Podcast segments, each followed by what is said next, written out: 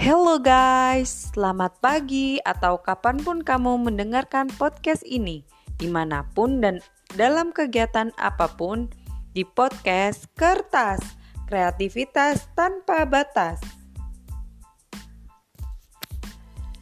Semoga kamu dalam keadaan sehat dan kondusif untuk belajar ya. Oke, jadi ini tuh podcast perdana aku guys. Hashtag episode 1 Sebelumnya perkenalkan, namaku Fitri Aprilianingsih. Aku salah satu mahasiswa di sebuah kampus NU satu-satunya di Kabupaten Tegal. Kalian pasti sudah tahu dong kan? Iya, yang kampusnya hijau itu loh.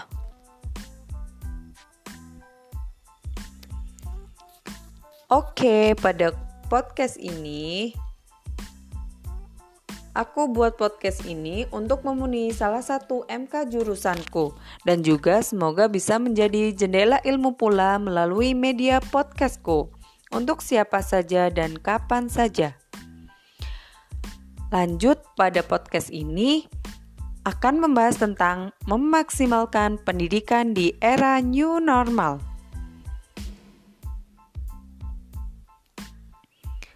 Apa sih new normal itu? Dan bagaimana cara memaksimalkan pendidikan di era seperti ini? Apakah kalian sudah tahu? Yuk kita simak bersama. Check it out.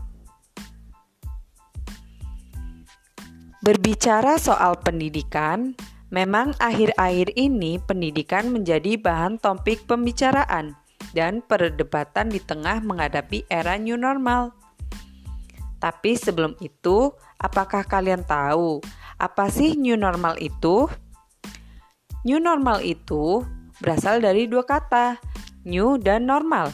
New yang artinya baru dan normal yang artinya biasa. Berarti dapat diartikan sebagai era new normal baru dan diharapkan bisa melakukan aktivitas secara normal di hari yang baru pasca wabah melanda. Mengingat sekarang ini Indonesia masih dilanda oleh situasi pandemi penyebaran virus corona atau COVID-19, di mana sejak adanya penyebaran virus tersebut, berbagai upaya telah dilakukan oleh pemerintah.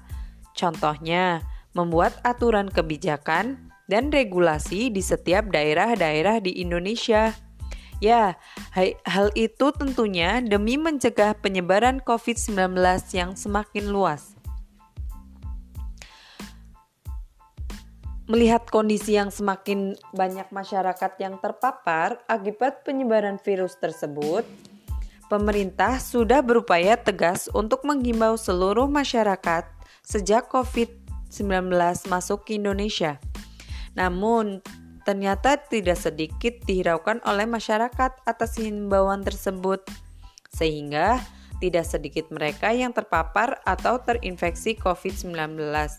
Hmm, kasihan ya. Tapi hal ini mungkin terpaksa dilakukan oleh masyarakat dengan segala aspek persoalan yang dihadapi mereka. Kemudian segala aktivitas yang berkaitan di luar terpaksa diberhentikan oleh pemerintah untuk sementara waktu hingga adanya kebijakan terkait new normal. Hingga situasi ini dinyatakan benar-benar pulih kembali normal.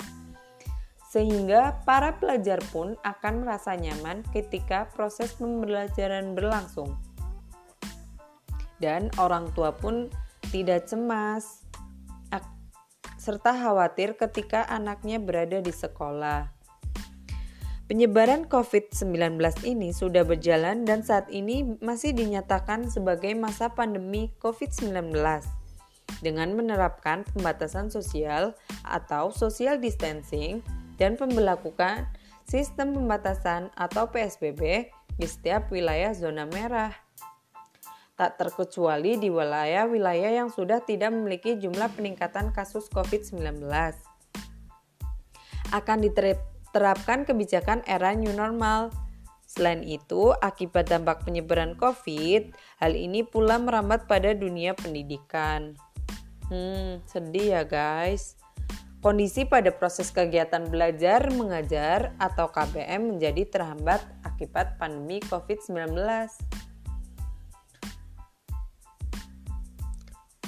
Dunia pendidikan hari ini terpaksa diliburkan dan mengganti dengan sistem pembelajaran daring atau pembelajaran online yang sudah berjalan hampir akan genap setahun hampir akan berjalan 8 bulan terakhir ini. Pemerintah akan membuat perencanaan agar pendidikan tidak selamanya menggunakan sistem daring atau online. Oleh sebab itu, proses pembelajaran ini sangat berpengaruh terhadap pemahaman siswa ketika mempelajari bahan materi di ruang kelas. Sehingga hal ini perlu diperhatikan oleh pembuatan kebijakan dalam mengevaluasi pendidikan di masa new normal. Selain itu, kurikulum pendidikan harus disesuaikan dengan situasi saat ini, sehingga para pelajar akan merasa nyaman ketika proses pembelajaran berlangsung. Penyebaran COVID-19 sudah berjalan dan saat ini masih dinyatakan sebagai masa pandemi COVID-19 yang diprediksi pelaksanaan pendidikan akan tetap berjalan meskipun penyebaran COVID belum berakhir. Memang sih, berbagai kendala dan hambatan selama ini sudah kita rasakan, bukan? Apalagi ketika proses pembelajaran. Ada yang memori penuh, susah sinyal, susah memahami materi, apalagi yang sama sekali tidak paham. Yang ada pembiaran, mohon maaf sebelumnya, yang ada siswa semakin merasa bosan dan jenuh dengan adanya kegiatan KBM seperti ini. Tapi ya mau tidak mau lagi, aku pribadi sebagai pelajar harus bisa beradaptasi dan berdamai dengan kondisi saat ini. Kalian juga harus begitu ya guys. Namun kita sebagai para pelajar tidak boleh pasrah begitu saja. Dengan kondisi keterbatasan jarak berada di rumah, kita bisa belajar mandiri atau belajar bersama keluarga. Semaksimal mungkin, kita bisa memanfaatkan waktu dengan hal-hal yang produktif, seperti aktif dan antusias terhadap KPM, walaupun online atau daring, mengikuti seminar, lomba karya tulis, dan lain sebagainya agar ke depannya para pelajar ini tidak merasa bosan ketika harus belajar secara terus-menerus di rumah. Memang inilah salah satu cara agar kita tidak terpuruk di saat situasi seperti ini. Oleh karenanya, kebijakan tersebut perlu dipertimbangkan oleh berbagai pihak. Setidaknya, jika proses pembelajaran dibuka kembali, telah memenuhi semua syarat protokol kesehatan COVID-19 Hal ini dilakukan agar selama kegiatan pembelajaran tidak terganggu. Selain itu, keselamatan pelajar harus dikedepankan di masa new normal itu sendiri. Proses pelaksanaan persiapan pendidikan harus bisa berkoordinasi dengan melibatkan berbagai pihak, khususnya pihak orang tua siswa, agar hal ini tidak menimbulkan kekhawatiran dan kecemasan berlebih di tengah proses pembelajaran. Segala peraturan protokol kesehatan segera dimaksimalkan, mulai dari sarana prasarana pendidikan dan fasilitas keperluan siswa selama memasuki masa new normal. Maka pihak lembaga pendidikan dan pemerintah harus bekerja sama selama masa new normal diberlakukan agar proses pembelajaran dapat berjalan dengan optimal bahwasannya dunia pendidikan harus menjadi tiang utama dan pondasi negara ini untuk menciptakan generasi-generasi muda yang cerdas dan berakhlakul mulia. Tentunya untuk mencapai itu dibutuhkan proses yang tidak instan dan tidak mudah kan ya. Gak seperti kita mau makan mie instan yang tinggal buka kemasan, rebus, kita olah deh jadi kita harus memaksimalkan itu dengan benar-benar. Namun hal ini akan begitu mudah apabila kita bersama-sama secara kolektif dan bergotong royong membangun pendidikan bangsa ini dengan semangat perjuangan para pendahulu.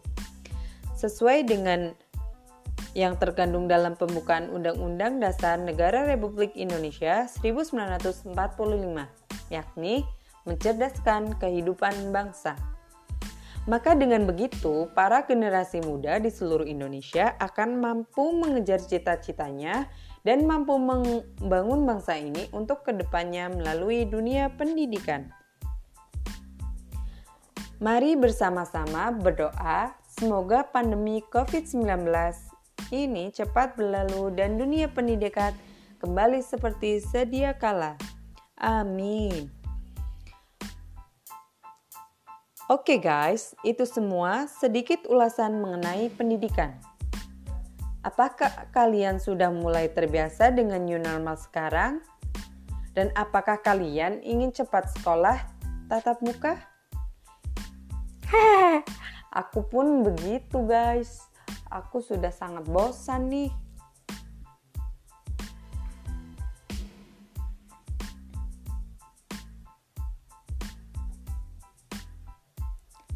Sekian podcast kertas, kreativitas tanpa batas.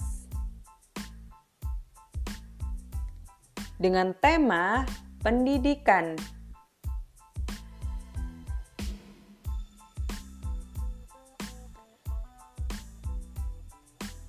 Silakan beri kritik, saran, dan masukan pada podcastku tentang baik tentang teknis ataupun materi yang aku sampaikan ya. Terima kasih sudah menyimak podcastku kali ini. Semoga dapat membelajarkan. Sampai jumpa di sesi podcast selanjutnya. Podcast Kertas, kreativitas tanpa batas.